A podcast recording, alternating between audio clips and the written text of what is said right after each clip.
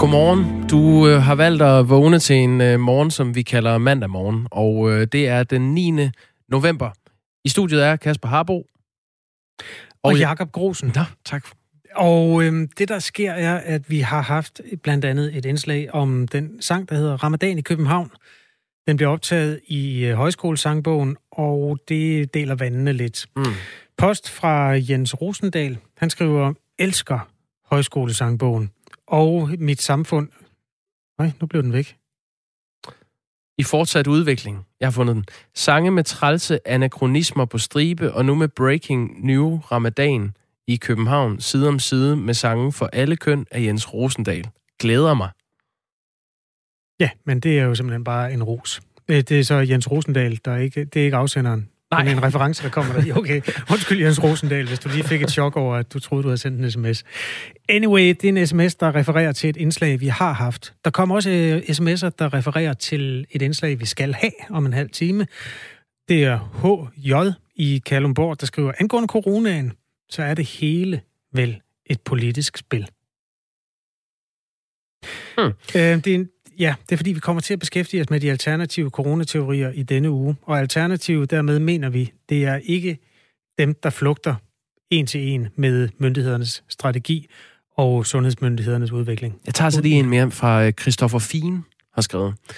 Godmorgen i studiet. For mig handler, øh, virker det som om, at de personer og de organisationer, der mener, at covid-19 er en måde, hvorpå en regering kan kontrollere en befolkning, mennesker, der i forvejen vakler og er åndsforladte stakler, der desperat prøver at udfylde det tomrum, der i en svær tid som denne runger ekstra højt.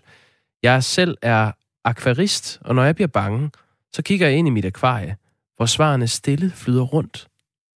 Og det var da en betragtning, filosofisk betragtning at gå ud på, Christoffer Fien. Tak. Og en hård beskyldning, ikke? Fordi Også det. Øh, man kan jo godt være politisk uenig, uden at man nødvendigvis er en åndsforladt stakkel. Øhm, det, det tror jeg, vi bliver nødt til at slå fast, at, øh, at det er man ikke nødvendigvis i hvert fald. Nej, nej, selvfølgelig da. Men øh, der findes selvfølgelig åndsforladte stakler i alle politiske lejre. Derfor er det jo en fremragende debat at tage. Vi inviterer både de åndsfyldte og de åndsforladte indenfor i den her uge. SMS'er, de starter med R4. Og ja. mellemrum. Og en besked. Og bliver sendt til 1424. Kom med alt, hvad der er dig. Det er Radio 4 morgen. Vil du sige, hvad klokken er? 8 minutter over 7. Det amerikanske valg er overstået. Der er fundet en vinder og en taber. I uh, første time hørte vi fra uh, sejrsberusede uh, demokrater i Philadelphia. Nu skal vi høre, hvordan nederlaget bliver modtaget blandt Trump-tilhængerne. Godmorgen, Mads Anneberg. Godmorgen. Ja, godmorgen igen. Har Donald Trump på nogen måde anerkendt, at han har tabt valget? Nej, det har han ikke. Tværtimod så har han jo sagt flere gange, at han har vundet valget. Og Donald Trump, han påstår altså, at der har været øh, snyd med i spillet. Han påstår, at der har været øh, øh, fusk med i det her valg. Øh, og, og det vi kan sige om det, det er jo, at der er ikke blevet fremlagt beviser på noget, som øh, kommer til at kunne rykke ved resultatet, som det ser ud lige nu. Men man kan sige, en ting, det er, hvad, hvad Donald Trump han siger, fordi hvis, hvis, hvis det her det ligesom øh, går, som, som det går lige nu, jamen så vil han den, den 20. januar simpelthen bare holde op med at være præsident øh, helt automatisk, og, og så er det ligesom det. Mm. Noget helt andet, det er, øh, hvordan hans tilhængere, de reagerer på det her. Fordi de er der jo altså stadig den, den, den, den 20. januar. Og man kan sige, hvis der er en stor del af den amerikanske befolkning, som føler, at det her valg er gået uretfærdigt til, så er det altså ingrediensen i en springfarlig cocktail. Så jeg satte mig for ligesom at prøve at finde ud af, hvordan de reagerer på det, de her sådan helt normale øh, Trump-tilhængere. Jeg tog ud til et distrikt her i, i Pennsylvania, som hedder øh, Juniata County, hvor 80% stemte på, på Donald Trump. Øh, og det, der var stor variation i, i, i det, jeg hørte derude. Man kan sige, lad os starte med den, den mildeste, som var en mand, der var ude at gå en tur med sin kone. Og han var den eneste ud af, lad os bare sige 15 Trump-tilhængere, jeg talte med, som faktisk anerkendte, at Trump havde tabt valget. What's your name? Earl Stitt. Janet Stitt. Very nice to meet you both. Do you think that Joe Biden won the presidency? I think that's pretty obvious. I think uh, you know, Trump just needs to stand down and take his loss. I mean, not everybody agrees that you know he actually lost. Why do you think that is? Well, he has a following that, that tends to agree with whatever he says, regardless what it is. Do you also believe that he he lost? I don't know. I'm not sure. I'm not sure. What makes you doubt it? I think there were a lot for him. You know, a lot voted for him. So I don't know. I don't know. de virker relativt sådan overbevist om, at, øh, at den er god nok, når medierne har udråbt øh, Joe Biden til at, at være vinder med Sandberg. Jamen det sjove det er, at, at, at manden han, han, han tror på, at Joe Biden har vundet det her valg. Og så når han lige at få sagt, at, øh, for jeg spørger ham, hvorfor tror du, at der er nogen, der ikke tror på det? Og så siger han, jamen det er fordi, der er nogen, der, der følger Donald Trump blindt. Og så spørger jeg hans kone, øh, tror du på det? Og så er sådan, nej, det, det tror jeg ikke rigtig på.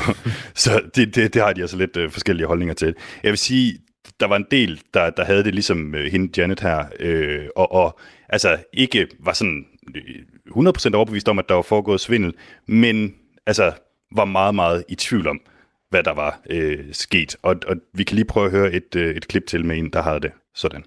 We're an evenly divided country with a lot of animosity and hatred on both sides.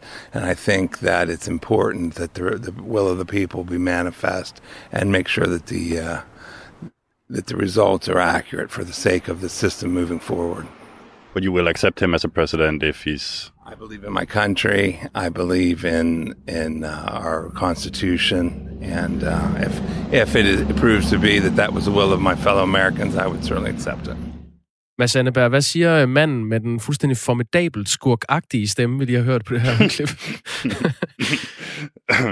Jamen, øh, manden hedder Bo Baker, og, og det han siger, det er, at altså, øh, bare lige for at sætte konteksten, han, øh, han tror ikke helt på, at det her det er gået rigtigt til.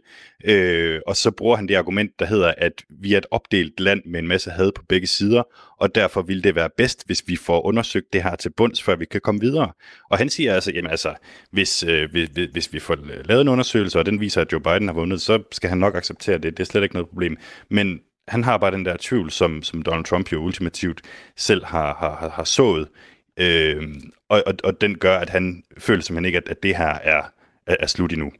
Øh, så det er altså ligesom dem, som, som tvivler lidt. Ikke? Mm. Øh, så kan vi prøve at gå over til dem, der er helt overbevist om, at det her ikke er gået rigtigt til.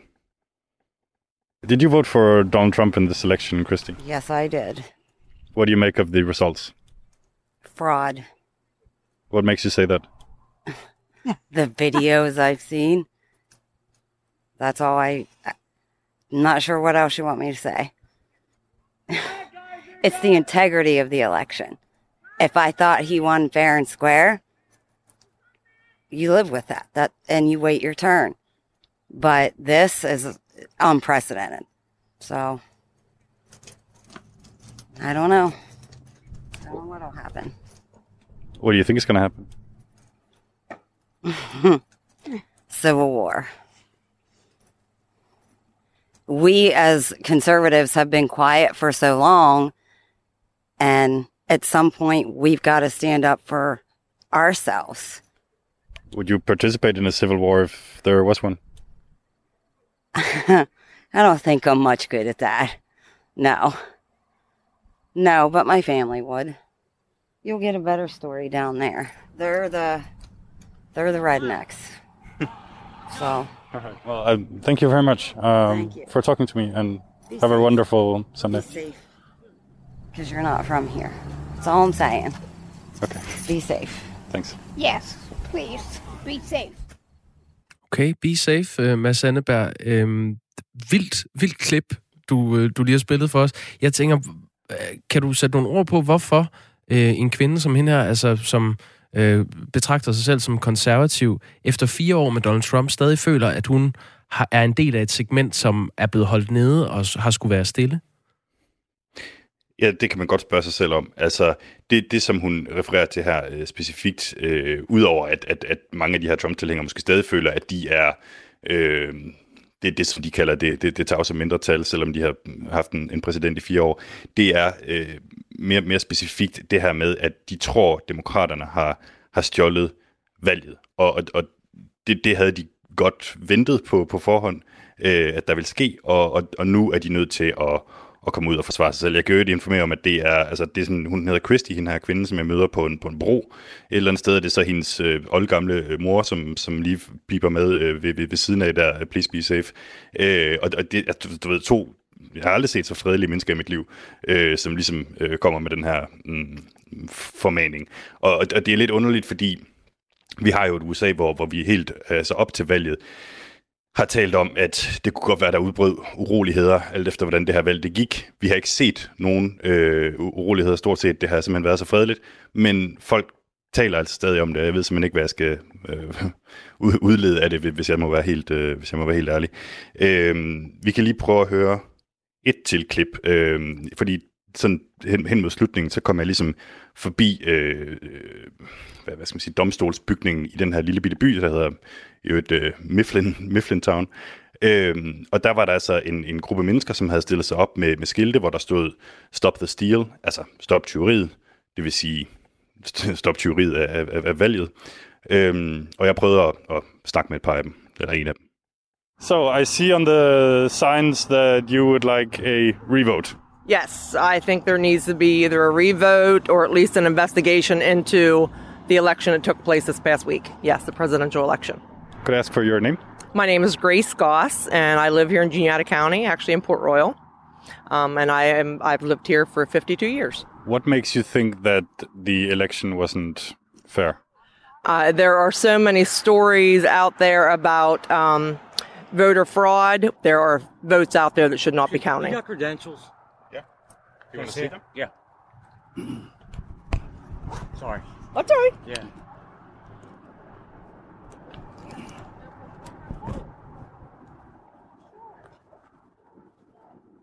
Okay. Thank you. Well, thank you. Yeah. Where- We've been dealing with this for a while. Who are you guys? They're the militia, so we've had some encounters here during protests that haven't been very nice and friendly. So they usually come out to make sure everything's okay. Yeah, very nice people. Very nice people. Hvad, hvad var det, der skete her med Sandeberg? Jamen, der sker det, jeg står og interviewer øh, hende her, om hvorfor hun tror, at, at øh, valgresultatet er snyd. Øh, og så kommer der to, mm, hvad skal man sige, øh, militsmedlemmer op til mig og spørger, om jeg har credentials, altså om jeg har noget, noget bevis på, at jeg, at jeg er fra pressen.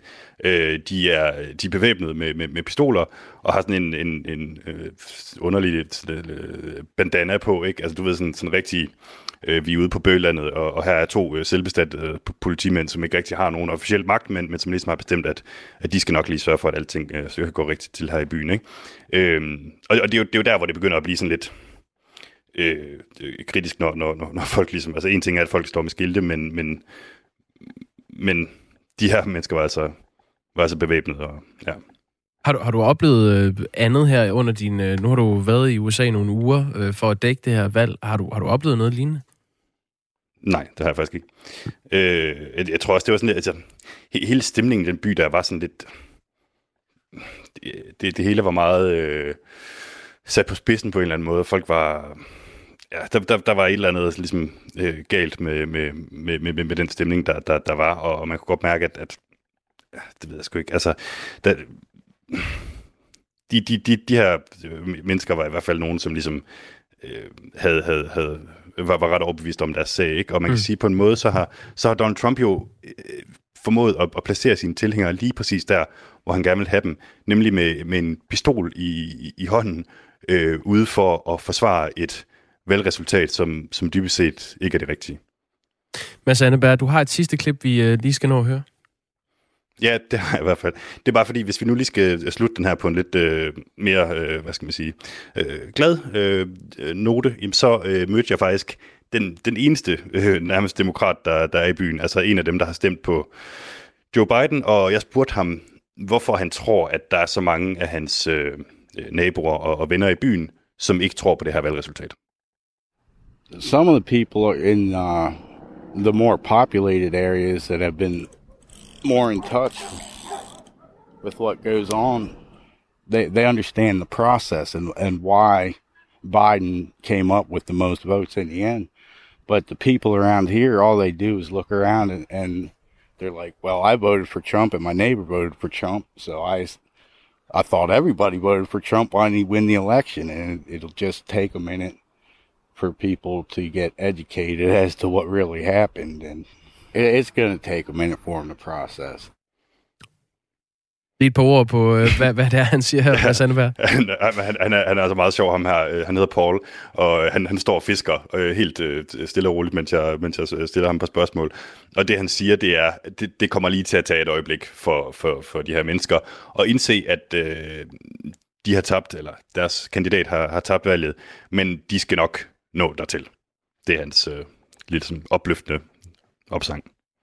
En opløftende opsang går vi ud på øh, Mads Sandeberg, vores supporter i USA, og altså nærmere bestemt uh, Miffletown, hvor 80% øh, har stemt på, uh, på Trump. Det fantastiske bynavn Miffletown. Tak fordi du var med, Mads. Vi snakkes ved. Selv tak. Det gør vi. Hej. 7.21 er klokken. Godmorgen.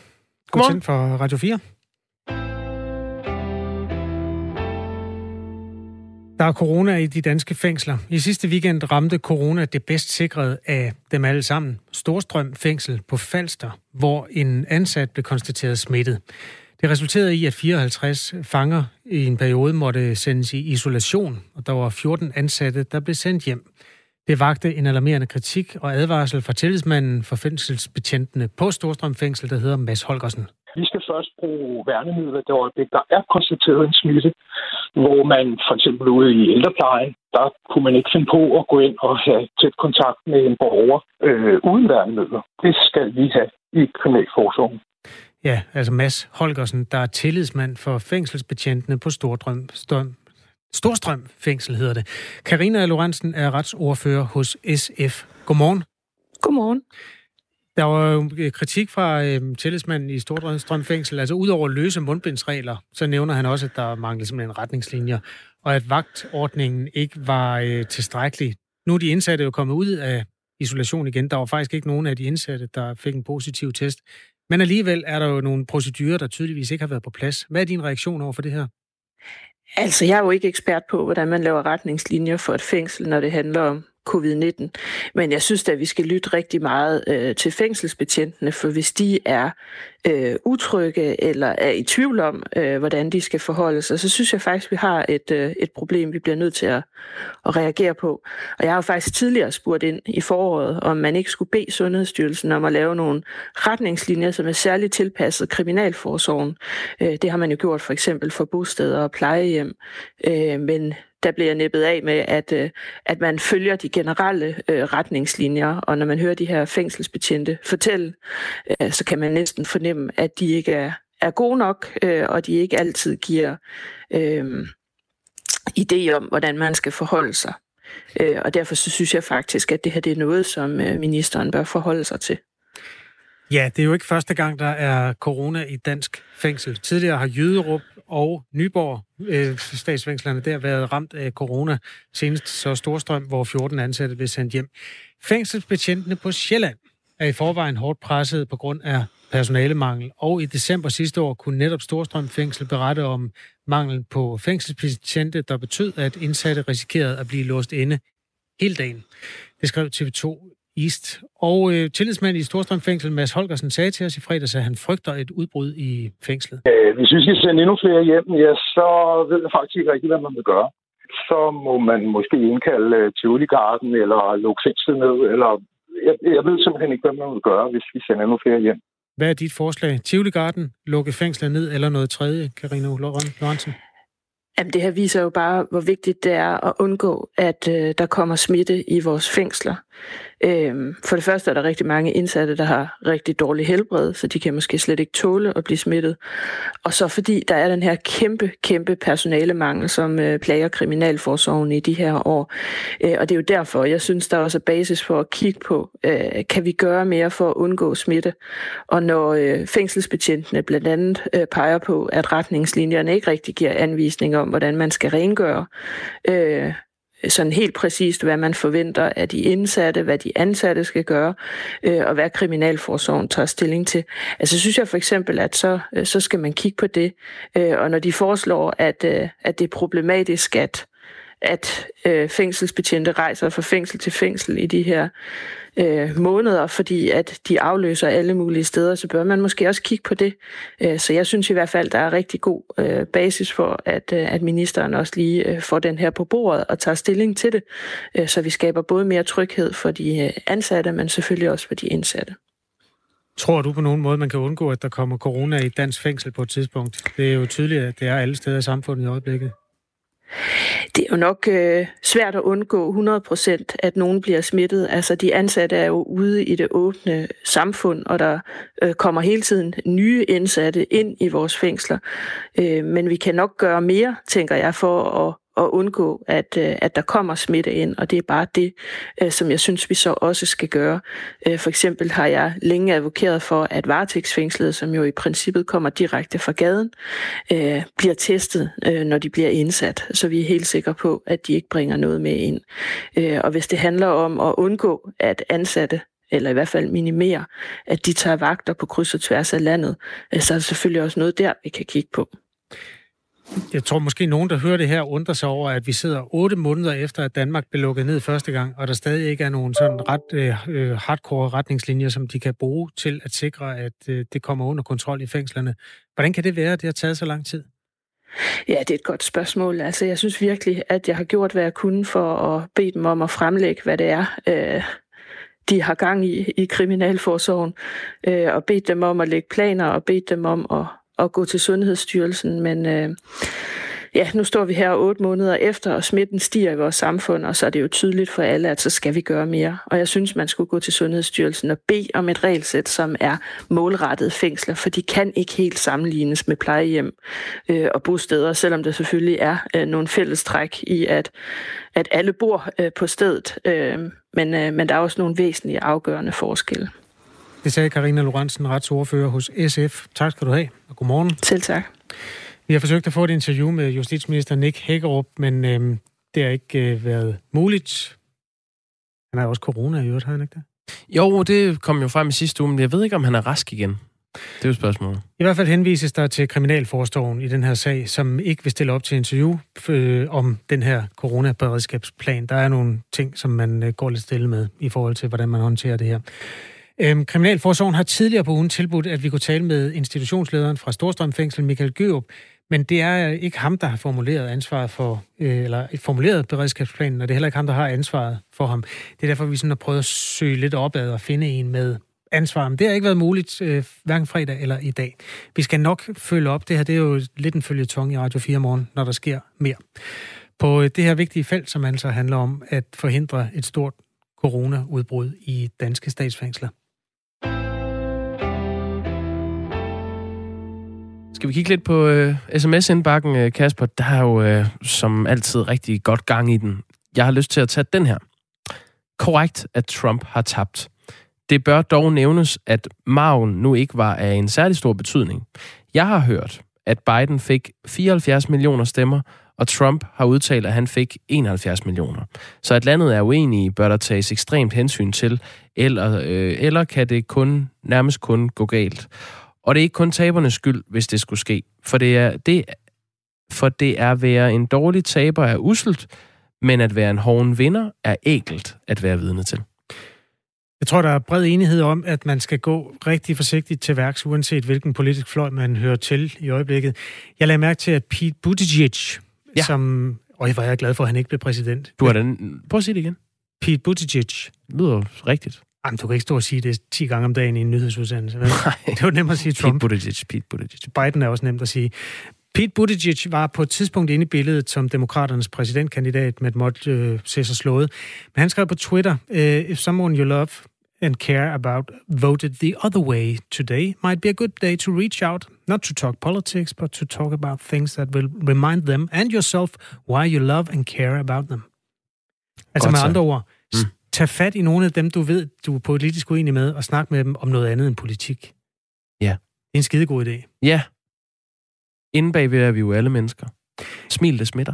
Jamen, der er jo også noget med, at mennesker, som du egentlig elsker i 99 procent af livets forhold, pludselig får et helt andet ansigt, når man snakker politik sammen. Og så kan det være, at man skal prøve at kigge på noget af det andet, de kan, i stedet for... Øh... Vi har jo hørt fra mange af vores øh, reportere fra øh, USA i den her tid, har jo også lavet interviews med, med ægtepar, hvor den ene har stemt på den ene, og den anden har stemt på den anden og sådan noget. De elsker jo hinanden alligevel.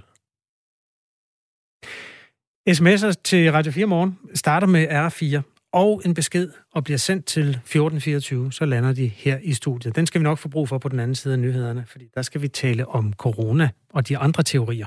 Klokken er halv otte.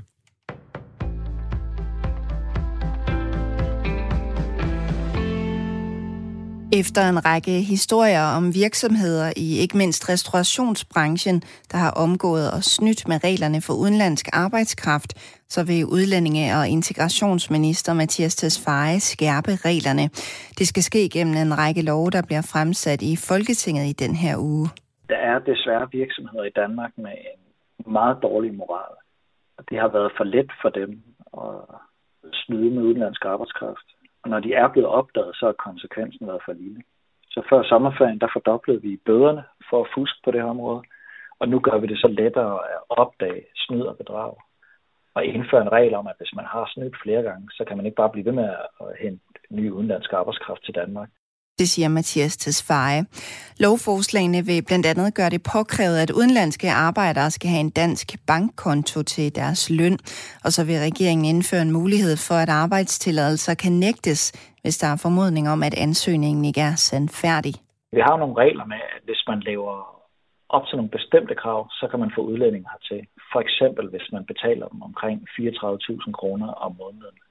Der har været nogle eksempler på nogle øh, restauranter, som har brudt de her regler, men så har de bare søgt om at få nogle flere, og så har vi skrevet nye opholdstilladelser til endnu flere udlændinge til de samme restauranter.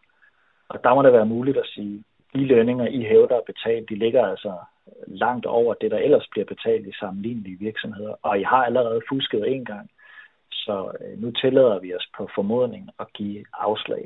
Ministeren har ikke noget overblik over, hvor stort problemet egentlig er. Vi ved jo, at der jævnligt bliver udskrevet bøder fra myndighederne til virksomheder, der overtræder reglerne. Men det er selvfølgelig rigtigt, at det er langt de færreste virksomheder. Langt de fleste overholder jo reglerne. Også folk, der bruger de her ordninger, gør det lige efter bogen. Og det er også øh, i virkeligheden af hensyn til dem, vi fremlægger det her lovforslag. Fordi det er jo lovlydige virksomheder og danske lønmodtagere, der betaler prisen, når der er andre, der begår social dumping og fusker på den her måde. Hviderussisk politi tilbageholdt i går mere end 800 personer under demonstrationer i landets hovedstad Minsk. Protesterne mod landets præsident Alexander Lukashenko er fortsat uge efter uge, og de hviderussiske myndigheder har igen og igen svaret tilbage med tilbageholdelser og anholdelser. Det samme var tilfældet den her gang, hvor der også blev brugt vandkanoner mod demonstranterne i byens centrum. Hver søndag i tre måneder er 10.000 af hvide russere gået på gaden for at markere deres utilfredshed med præsidenten, som har været ved magten i mere end to årtier. Præsidentens modstandere kræver, at han overlader magten til oppositionsleder Svetlana Tikhanovskaya. En valgsvindel-hotline, som er oprettet af Donald Trumps kampagnehold, bliver i stor stil udsat for telefonfis. Det skriver ABC News og det politiske medie The Hill. Hotlinen blev oprettet for at indsamle beretninger fra vælgere om uregelmæssigheder ved valget. Men efter de store amerikanske medier kårede Joe Biden som vinder af præsidentvalget lørdag, så er hotlinen blevet oversvømmet af opkald fra folk, der har lavet sjov med Trumps kampagnemedarbejdere i den anden ende, skriver medierne. Trump har efter valget lagt sagen i flere stater og protesteret over valghandlingen. I dag får vi tørt og skyet vejr. Temperaturerne ligger sig mellem 8 og 11 graders varme, og så får vi svag til jævn vind fra sydøst ved kysterne stedvis op til frisk vind. Mit navn er Signe Ribergaard Rasmussen, og der er flere nyheder klokken 8, men lige nu er der Radio 4 morgen.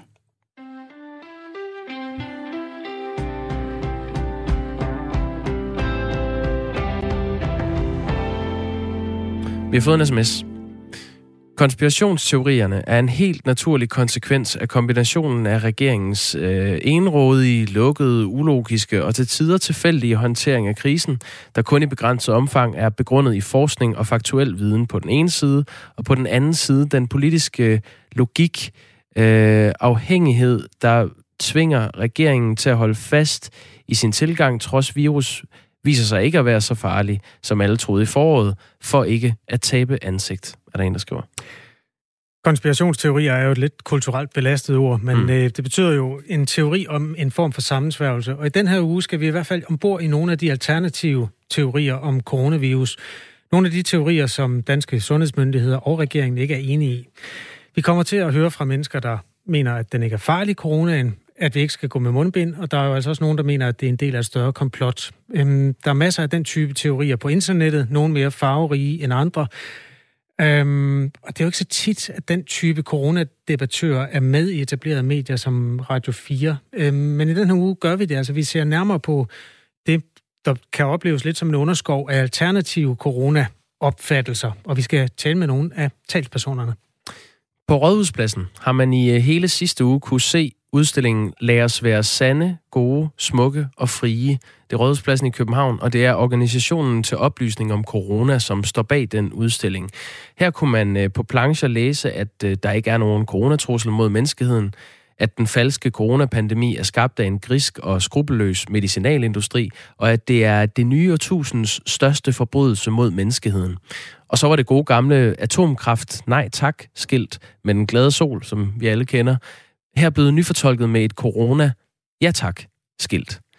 Søren Ventegodt er kontroversiel læge med deponeret autorisation og formand for organisationen til oplysning om corona, som har som erklæret mål at øh, oplyse befolkningen om covid-19. Og så er han med os fra vores studie i København nu. Godmorgen, Søren Ventegodt. Godmorgen, Jacob. Godmorgen. Lad os starte øh, der, øh, Søren. Hvorfor mener du, at coronapandemien er falsk? Jamen, det er simpelthen ikke mig, der mener det personligt. Altså, øh, det der skete her i foråret, det var, at øh, 46 øh, professorer og eksperter på verdensplan fra Stanford University og øh, altså de store tyske universiteter, Charles University i, øh, i Prag og så videre. Altså en helt, helt masse professorer og eksperter, som forskede i corona, og som havde det som deres fagområde. De gik ud og sagde, det her, det er misforstået. Corona, det er forkølelse, det er slet ikke farligt. Og det, øh, det tog øh, min opmærksomhed, øh, og sammen med, sammen med professor Joachim Mærk fra Israel og professor Niels Jørgen Andersen fra Norge, så lavede vi sådan en, en studiegruppe omkring whistleblowers. Hvad er det, de her øh, eksperter, internationale eksperter, som er anerkendt for at være de førende eksperter på verdensplan. Hvad er det nu, de mener om corona? Hvorfor mener de det? Og hvordan kan de være så uenige med WHO og med altså også samf- samfundet, regeringen og så videre. Og, og, og det, som, øh, det, som vi gjorde, det var faktisk, at vi i tre måneder træk kuglegravet alle, alle det materiale, som de henviste til, alle de kilder, de pegede på. Og det blev til en bog, der hedder A Tribute to the Corona Whistleblower, som er udkommet i, i New York. Og den bog blev også til en stor videnskabelig artikel på 50 sider, som nu ligger oversat til dansk på den hjemmeside, der hedder oc.one, uh, som er uh, organisationen til oplysning på coronas hjemmeside. Det er din organisations hjemmeside? Ja, og så ligger også på, på en videnskabelig side, en international videnskabelig side, der hedder www.coronawhistleblower.org. Men... Og, og, og, og det, som er, det, som er, det, som er fortællingen, det er jo, at, at de henviser til en massiv forskning, der allerede er lavet, der viser, at corona slet, slet ikke er farligt. Det er bare forkølelse, og det er det er farligt som en mild influenza. Søren Ventegodt, det, det er nok også øh, øh, interessant at gå ind i, hvad, hvad, hvem du peger på som førende øh, eksperter i coronavirus, øh, når du sætter dem over for øh, Verdenssundhedsorganisationen WHO for eksempel.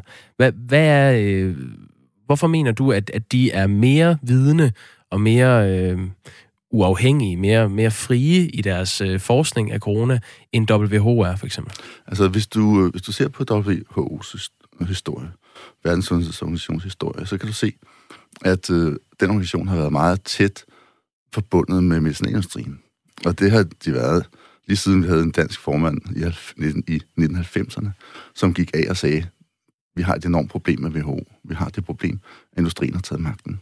Og i 2009, der så vi øh, med øh, svineinfluenza-skandalen, hvordan det var industriens folk, der sad i det rådgivende udvalg. Det var simpelthen tale om korruption i en helt øh, uset størrelse, hvor øh, fem medlemmer i det rådgivende udvalg, det centrale rådgivende WHO-udvalg, de havde fået øh, 7 millioner dollars i bestikkelse af industrien direkte. Og det blev så, det blev så til en, en stor offentlig skandale, og WHO blev pålagt at undersøge sig selv. Og WHO konkluderede, at øh, der var ikke noget galt med WHO. Det er præcis sådan, WHO skal være. Så vi ved, at WHO er fuldstændig bundkorrupt. Og hvis du siger, hvad er problemet med den enorme korruption, der er i WHO? Nej, det gør jeg egentlig ikke. Jeg spørger mere, hvad, hvad er dit bevis for, at øh, WHO er, øh, er fuldstændig øh, korrupt? Den beviser historien. Hvis du går tilbage til svineinfluenza-skandalen, øh, så kan du se, at det er industriens folk, der sidder der. og hvis du ser hvis du ser de anbefalinger, som WHO giver og har givet regeringen i mange, mange år, og de giver anbefalinger om den medicin, som verden skal bruge, så vil du se, at WHO de systematisk bruger industriens tal. og, og for at forstå, hvor alvorligt det er, så skal du forstå, at der er en uafhængig forskning, en industri-uafhængig forskning, hvor for eksempel 10.000 øh, læger i, et, i Cochrane-samarbejdet, de har lavet uafhængig forskning af medicinens effekt. Og de finder noget helt, helt andet, end WHO og industrien gør. Lad mig give dig et eksempel. Antipsykotisk medicin. Mm, nej, det bliver... Det bliver... Når det, det, jeg er nødt til at fortælle det, så giver det ingen mening. Fordi antipsykotisk medicin, det, det har for eksempel i de uafhængige eksperter med Peter Götze og Cochrane, øh, en meget, meget stor skadelig effekt og næsten ingen gavnlig effekt. Men hvis du ser på WHO's anbefalinger, industriens anbefalinger, så er det næsten ikke skadeligt og vældig gavnligt. Okay. Så der har, Men, altså, der, har vi det, der har vi det skisma. Hvorfor? Nu holder vi den lige sådan, vi holder den bare lige til corona nu, øh, for at det ikke stikker i for mange retninger. Øhm, jeg tror, Kasper, du sidder på spring. Jamen, det er bare fordi, jeg øh, er lidt øh, overrasket over, at man kan konkludere, som du gør, Søren godt. Jeg ved godt, du øh, søger råd hos nogle eksperter, men der er, som du er klar over, er der mange opfattelser af, forskellige opfattelser af, hvor farlig corona er. Nej, nej det er faktisk ikke rigtigt. Jo, det, nu skal du høre et øh, vidnesbyrd om øh, overdødeligheden, for eksempel i USA. Nej, det er vildt forkert. Man kan gå ind og se på Euromomo, øhm, som er et meget flot overvågningssystem, hvor man kan se overdødeligheden lige præcis i steder som øh, øh, Spanien, Italien, øh, Sverige, England, Belgien. Men ikke i Danmark og Norge, og det er simpelthen fordi, vi har stoppet epidemien så grundigt, så der slet ikke, der slet ikke er særlig mange, der har fået den endnu. Lone Simonsen er professor ved Roskilde Universitetscenter og øhm, har forsket i epidemier i 20 år. Og, og hun peger på den overdødelighed, der blandt andet betyder, at 200.000 amerikanere er døde efter at være blevet smittet med corona. Er det dem, som du siger, øh, har været udsat for en ufarlig sygdom, de 200.000, der er døde? Jamen, jeg er ikke enig i den statistik. Og, og vi ved alle sammen, at amerikanske statistikker, de er fuldstændig pålidelige. Vi så øh, i, i dødelighedsstatistikkerne for New York City, for eksempel, som kom i Guardian, øh, der så vi, at antallet af døde øh, per måned steg fra 5.000 og pludselig op til 25.000 øh, i New York. Men hvis du regner på, hvor mange mennesker der er, øh, der er i, i New York, så kan du se, at det almindelige tal for, hvor mange der er døde om måneden, skal være omkring 10.000. Så, øh, og hvis du kender til de der historier, hvordan, øh, hvordan hospitalerne de får penge for at lave mm. øh, covid-19 ja. øh, syge, sygetester, sådan, så ved du, at det der er fuldstændig manipuleret og fuldstændig pålideligt. Men overdødeligheden i USA er på 300.000, så nej, nej, fordi vi er nødt til at holde fast i, der er en overdødelighed i USA. Hvis vi skal vide noget, er vi nødt til at glemme Amerika, fordi det er for korrupt, øh, og de der statistikker er for manipuleret, og det er for uholdbart. Det ved alle, der forsker det her. Hun nævnte Lone Simonsen en masse lande her, jamen, som ikke men, ligger i Amerika. Hun nævnte blandt andet Italien, Spanien, Belgien, Sverige. Vi kan tage Italien. Der er ikke nogen overdødelighed i Italien. Det er der selvfølgelig, hvis du går ind på Euromomo-barometer. Det er sandt nok.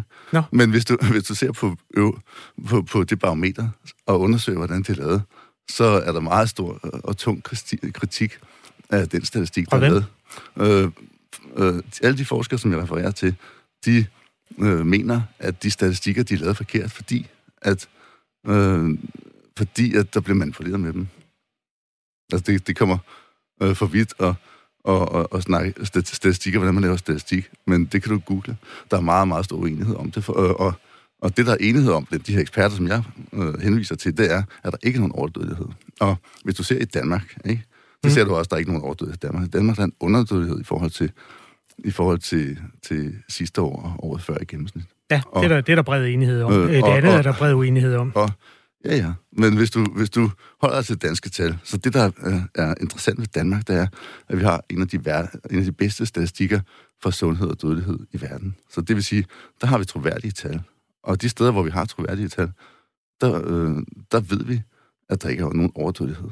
Så vi kan se, at overdødeligheden hænger sammen med utroværdigheden. Altså, du, mere... du synes, at de, de tal, som viser det modsatte af din opfattelse, det er de utroværdige tal. Er det rigtigt forstået? Min, nu siger du min opfattelse. Igen ja, ja. refererer jeg ikke bare til min egen opfattelse, fordi øh, du kan sige, at jeg er ikke ekspert i corona. Det jeg, det, jeg gør, det er, at vi henviser de, til de folk, der er anerkendt, anerkendte internationale eksperter, øh, som er uenige i, i skal vi sige, den fortælling, som øh, WHO kommer med, og industrien kommer med. Det er jo dem, der ligger bag ved det, øh, og siger, at det her det er farligt. Og grunden til, grunden til, at vi har den her pandemi, og grunden til, at den bliver kaldt en falsk pandemi, det er jo, at der er interessenter i pandemien. Der er folk, der er interesseret i at tjene penge på, at vi alle sammen bliver patienter, vi alle sammen bliver bange for corona, vi alle sammen skal testes og vaccineres osv. Og man skal forstå, hvor stor den industri er. Ikke? Den omsætter for en million million dollars om året. Faktisk er lige blevet to millioner millioner dollars om året. Og den, har for, den firedobler sin omsætning hver tiende år. Så Søren godt, vi har fået et uh, spørgsmål enormt, fra... Enormt stærk, og den er stærkt repræsenteret i alle lande, og har lobbyer mod alle regeringer. Ja, Søren Vendegaard, der, der er flere, der refererer til det samme på vores sms, mens vi taler øh, med dig. Så nu, nu stiller jeg lidt spørgsmål, der, der går igen derinde. Hvad siger du til de væltede sundhedsvæsener i Spanien, Italien, Kina osv., spørger Jens. Der er så også en, der skriver her, kan nogen hjælpe Søren Vendegaard med at google billederne af militære lastbiler med døde, kører ud af Bergamo i Italien. De kørte ud af byen, fordi folk døde som fluer, hurtigere end de kunne nå at brænde dem. Mm, det er fuldstændig rigtigt. Men du skal forstå, hvorfor det var sådan. Det var fordi, at nu kom der en politik i Italien, der sagde, at alle, der er døende, eller i far for at dø, og som tester positivt for covid, de skal på hospitalet. Og så akkumulerede man simpelthen alle, man tog alle fra plejehjem, fra private hjem, alle steder. Så kom folk, der var døende, ind til hospitalerne, og de fyldte de her kapeller, de fyldte hospitalerne øh, med de her døende mennesker, som alle sammen var over 80 år efter statistikken, og alle sammen havde en, to eller tre døde sygdomme i forvejen. Det var det, som statistikken viste. Så derfor så er de her forfærdelige billeder med overfyldte kapeller og, og, og hospitalsgange, der er fyldt med lig og sådan noget, det er jo skabt politisk ved, at man har besluttet, at alle døende, der er sig positivt for forkølelse, som det jo er, de skulle på hospitalet og dø der. Mener du, det er en fuldstændig almindelig forkølelse, eller, eller anerkender du, at der er noget, der hedder covid-19? Selvfølgelig er der noget, der hedder covid-19. Øh, corona, det er jo 15 procent af alle viruser, og det muterer hver 6. måned. Øh, selvfølgelig er der noget, der hedder covid-19. Og det er altså en almindelig forkølelse. Altså, efter alle de statistikker, vi har, er det en almindelig forkølelse. Ikke? Hvis du ser på, på dødeligheden, der er jo meget, den er meget mindre dødelig end influenza. Det kan vi jo se på dødeligheden herhjemme. Ikke? Så, Nej, det er faktisk ikke korrekt. er, ja, nu ved vi faktisk, at Verdens Sundhedsorganisation har øh, lavet en meta-analyse, og vi er enige i den, at, fra de studier, vi har set på, og, og det er cirka 0,2-3 procent af dem, som er smittet ved dø af det. De tæller det på den måde, at de siger, ah, du er smittet med corona, og du døde er, er du død af, af corona, men det er jo, de er jo døde med corona, og ikke af corona. Det er jo derfor, de der hysterisk store tal er opstået. Det er jo manipulation. Det er jo direkte manipulation i optællingerne, vi står overfor.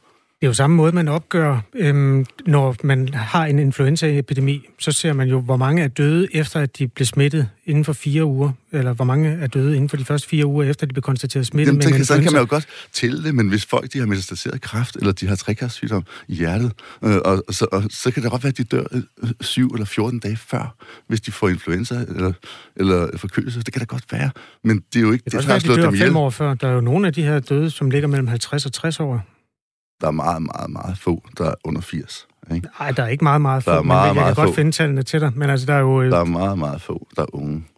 Ja, der er meget få, der er unge, men der, er, man, der er også mennesker mellem 50 og 60, der er mennesker mellem 60 og 70, og der er mennesker mellem 70 og 80, som ikke øh, var syge det, det, i forvejen. Nej, øh, nej, nej, nej, nej. Det er ikke, at de ikke var syge i forvejen.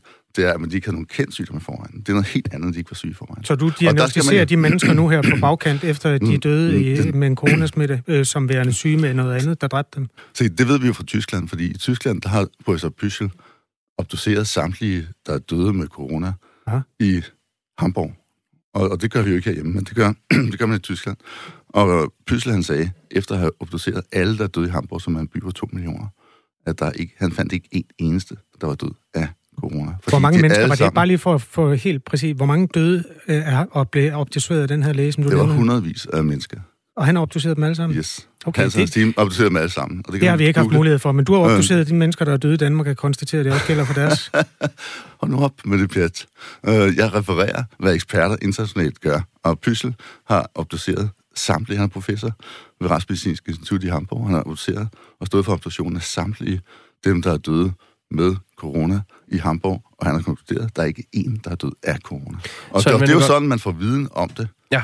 Og selvfølgelig, altså, selvfølgelig kan man sige, ja, men de ville nok være døde 7 eller 14 øh, dage eller tre uger senere, hvis de ikke havde fået forkølelse eller influenza. Men, men nu tager jeg ordet, Søren Vennegodt. Øh, jeg ved godt, du sagde Verdenssundhedsorganisation min bare røv lige før, da vi spillede klippet med, med Lone Simonsen. Men øh, jeg vil lige referere til en forskningsartikel fra WHO om dødeligheden ved covid-19, som udkom tidligere i, øh, det var i oktober, den 14. oktober. Øh, der har de gennemgået 61 studier.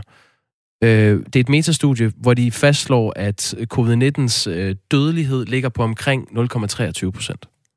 Ja, så er det sådan... Og for en øh, almindelig øh, sæsoninfluenza, der ligger den et godt stykke under 0,1 procent. Ja, det kan jeg godt detalje. Ja. Jeg ved også, de startede, de, før, jeg ved godt, de startede med 3,4 procent. Ja, og så gik de ned på, så ja, nu har de nedjusteret den til 0,2 procent. Men ja. de her eksperter, jeg snakker om, de taler om 0,01 til 0,02 procent. Så WHO's tal er stadig 10 gange højere. Og det, der kendetegner WHO's forskning, hvis man kan kalde det forskning overhovedet, det er jo, at der ikke er nogen forskere, der laver dem. Øh, der, der, der er ikke nogen navne øh, så du ved ikke, hvem de, hvem de er. Jo, jo, de er... nej, jo øh, på, på øh, forskningsprojektet, det er en, der hedder John P. A. Ioannidis, forsker på Stanford University i Kalifornien. Det er et metastudie, der inkluderer 61 forskellige studier på området. Jamen, han er en god mand. Øh, han er en god mand. Øh, men stadigvæk, så, så er de fleste eksperter, af de her uafhængige eksperter, de er enige med, at de er enige om, at den corona pandemi står for, det er i den milde ende af influenza, og ikke i den hårde ende, som, en, som, som det her siger. Der er en, der skriver her, men, Søren Ventegodt men, på men, sms'en. Men, men, Jamen, det, men, men det, hvis det, vi tror... snakker om, at corona er influenza-agtig, det kan vi jo godt blive enige om så, øh, er det ikke mærkeligt, at vi nedlægger hele samfundet, at vi ødelægger kulturlivet, at vi lukker restauranter, at vi smadrer virksomheder, at vi begrænser vores frihed for noget, der bare er en hård influenza? Der skal jeg lige fortælle dig forskellen, hvis ikke du har hørt den. Der findes ikke nogen øh, vaccine mod corona. Jamen, det er det, en af de det, afgørende forskelle ja, i forhold det gør til heller influenza. Ikke, det gør der heller ikke med influenza. Hvis du læser Peter Gøsses bog om influenza, så ved du, at den influenza-vaccine, der findes, den ikke virker. Jeg ved, at den nogle gange virker, og nogle gange virker den ikke. Den, den øhm, virker det... statistisk ikke. Det er det, Peter Gøtze har skrevet en hel bog om. Ja, den har vi ikke tid til at læse nu, men det afgørende er jo, at Nej, har der, der, det, er jo lige præcis, det er jo lige præcis det, der er pointen. At der er uafhængige eksperter, som Peter ja, Gøtze ja. og andre mennesker, der har nogle helt andre fortolkninger af virkeligheden og laver noget helt andet forskning og arbejder på nogle meget mere stringente måder og meget mindre bias, end industrien gør. Prøv at høre, der findes også uafhængige forskere som Lone Simonsen. Hun er godt nok øh, tilknyttet et universitet, men hun er sin egen herre. Hun har flere gange gået imod myndighederne. Hvordan kan det være, at du ikke kan finde en eneste øh, sådan af hendes type, de gængse øh, danske professorer, der mener det samme som dig? Ja, det har du Peter Gøtze, han mener det samme som mig. Hvad mener du? Øh, er han corona-ekspert i din bog? Han, han er en af eksperterne, ja. Ja. ja. Synes og, og Peter Götze, han, selvom han er blevet udskammet og så videre, så er han jo en af vores øh, mest kvalificerede forskere i effekten af medicin, vi har i Danmark overhovedet. Når du sidder og taler med os, vi er jo fra et uh, medie, som er finansieret af den danske statskasse. Hvor, hvor mange procent øh, tror du på os? Altså, synes du, vi er, er farvet også? Jamen, alle er jo hjernevasket, den her coronapandemi. Altså, du kan jo ikke gå rundt med mundbind og, og, og følge alle de coronaregler og så videre, uden at komme til at tro på det. Du tror jo, der er en farlig øh, pandemi. Det er jo det, der er hele pointen med mundbindet, som også en stor ny undersøgelse viser sig at være fuldstændig virkningsløs. Det er jo mm. det, der er meningen, at det er jo opdragelse af folk. Det er jo magtmisbrug, massiv magtmisbrug, hvor, hvor vi skal lære, at der er noget farligt, sådan at, at dem, der har interesse i, i vacciner og test og så videre, de kan få magten og tage vores penge. Ikke? Sætter det alle de tanker i gang hos dig, når du tager et mundbind på? Det er fordi, når jeg tager et på, så tænker jeg bare, Nå, men fint nok, det er lidt irriterende, men så kan jeg jo tage det af, når jeg kommer ud i min bil igen. Og så kan jeg tænke, lige præcis de politiske tanker, jeg har lyst til. Jamen- det, det lægger ikke bånd på min øh, sjæl, Nej, jeg som det lægger bånd på at min. høre, Jeg, jeg, nu op, jeg har siddet som kirurg og med mundbind, øh, og det gør ikke noget overhovedet.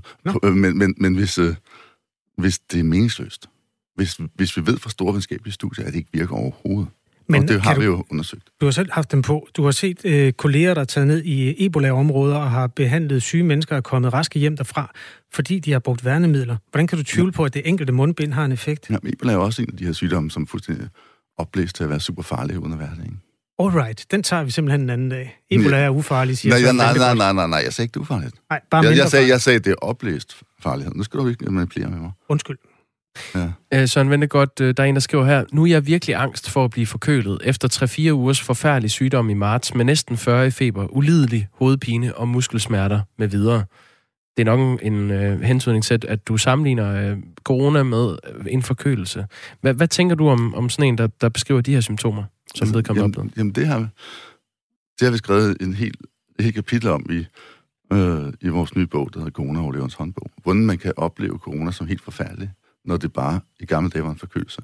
Og der skal man forstå, at der er en meget stor sammenhæng mellem angst og sygdomsoplevelse. Og hvis man er bange for en sygdom, som man jo er, når man får tudet ørerne fulde af, fulde med, hvor farlig corona er. Hvis man så får corona, så får man en meget, meget negativ oplevelse, hvis man tror, at det er en dødelig sygdom. Så det er Og troede psykosomatisk? Mange, der er et psykosomatisk element, og det troede mange mennesker jo, da WHO kom med den her historie om, at mange procent af dem, der blev smittet, de ville dø. Så troede folk jo, at de skulle dø, når de fik corona. Og, og, og det gav selvfølgelig altså en helt anden oplevelse, end hvis, hvis det bare er en god gammeldags forkølelse. Ikke? Så, så, øh, og også, også skadevirkningerne på kroppen er meget, meget større, hvis du er super bange. Øh, så, så, så det er ikke sådan bare kimse af. Altså hvis du har en sygdom, og du er super, super bange for den, øh, så bliver den sygdom meget værre. Og det er jo også det, der er problemet med den her skrækkampagne, som kører, det er, at, at mange mennesker, de, som er tilbøjelige til at købe ind i angsten, de bliver meget mere syge, når de bliver syge. Altså, det er jo super skadeligt øh, at, at være bange, og, og super skadeligt at, at, at være bange for andre mennesker, og ikke have, have, have, føle sig tryg sammen med andre mennesker. Hvad er din dokumentation for det her? Jamen, der hen- henviser jeg til coronaoverlevens håndbog, der er helt fyldt med videnskab om psykosomatik. Som er en bog, du har været med til at skrive. Den har jeg skrevet, og, og vi har også øh, 100 sider om psykosomatik i vores store amerikanske bog, øh, A Tribute to the Corona Whistleblowers. Og vi har skrevet cirka 100 artikler, videnskabelige artikler om psykosomatik gennem de sidste 30 år i vor- vores videnskabelige gruppe, øh, som jo kommer tilbage fra Rigshospitalet og Forskningscenter for Livskvalitet, hvor jeg er forskningsuddannet fra Rigshospitalet mm. og er uddannet i psykosomatik. Så, så altså, spis noget brød til, før, før du kalder mig totalt sølvpapirsat, ikke? Det har jeg ikke kaldt dig, men jeg vil gerne kalde dig øh, kontroversiel læge med defineret autorisation og formand for øh, organisationen til oplysning om corona, som altså har øh, som erklæret mål at oplyse befolkningen om øh, covid-19. Søren Ventegodt, hermed gjort. Øh, Tak fordi du var med. Jamen tak fordi jeg var Og øh, udstillingen, som jeg omtalte i begyndelsen, altså lad os være sande, gode, smukke og frie, som din organisation Nej, står den bag. hedder, den hedder Frihedsfakkel, og nu står den på Nytorv, og det gør den i fy- 14 dage. Der står den på Nytorv ved Strøget i København. Nå, så har den fået et nyt navn. Den, ja, den er hedder et andet på hjemmesiden. Okay, men den, den, det er Frihedsfakkel, og Fair det, den står for friheden. Vi slås for friheden. Godt. Nytorv i København er stedet, man øh, kan finde den. Tak fordi du var med. Tak. Øhm, jo, øj, tak for mange sms'er, kan jeg da starte med at sige. Ja, vi skal måske begynde med... Der er virkelig mange. Øhm, doktoren fra Hamburg lyver, er der en, der skriver, og så er der et link, hvor vi bliver nødt til at sige, den, det skal vi simpelthen læse øh, i ro og mag, og så kan vi vende tilbage til den. Søren Ventegodt dokumenterer jo altså øh, nogle af sine påstande, eller i hvert fald underbygger dem, øh, med historien om en doktor fra Hamburg, der har øh, obduceret alle, der er døde efter en coronasmitte, og nået frem til, at selvom de ikke vidste, de havde en underliggende sygdom, så havde de det angiveligt alligevel. Det var i hvert fald den påstand, vi stødte på her. Den kommer vi til at efterprøve. Det kan vi love. Øh, ja, Erik skriver, forskere, WHO og medier har haft interesse i at tale corona op for at få væltet Trump. Venlig hilsen, Erik. Øhm, det passer ikke, skriver Michael, at folk er døde med covid-19. I Danmark har man lavet det om, så dødstallene nu viser de som døde af covid-19. Det siger øh, Michael her i en sms. Ja, det er vel stadig omstridt, er det ikke det? Ah, ikke, ikke rigtig vel. Altså, fordi det kan da godt være, at du har en underliggende lidelse. Det kan godt være, at du har astma. Men hvis ikke du havde fået covid-19, så ville du øh, måske have levet fem år mere. Så er du stadigvæk død af det. Altså, du kommer også til at dø en dag. Ikke?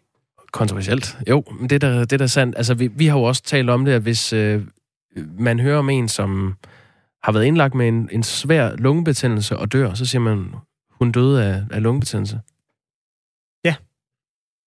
Ja. Det, det, er, det tror jeg altså er ret faktuelt.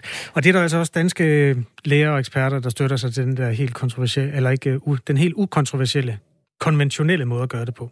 Mm, ej, der er mange gode sms'er, Kasper. Skal vi ikke, øh, kan vi nå flere, eller skal vi lige genbesøge den efter nyhederne? Øh, gå, gå, ja, gå. Det er god radio. Ja. øhm, sms'er omkring det her emne, du sender dem til 1424, start med R4 og et mellemrum, og så din besked. Vi rydder op i dem efter nyhederne.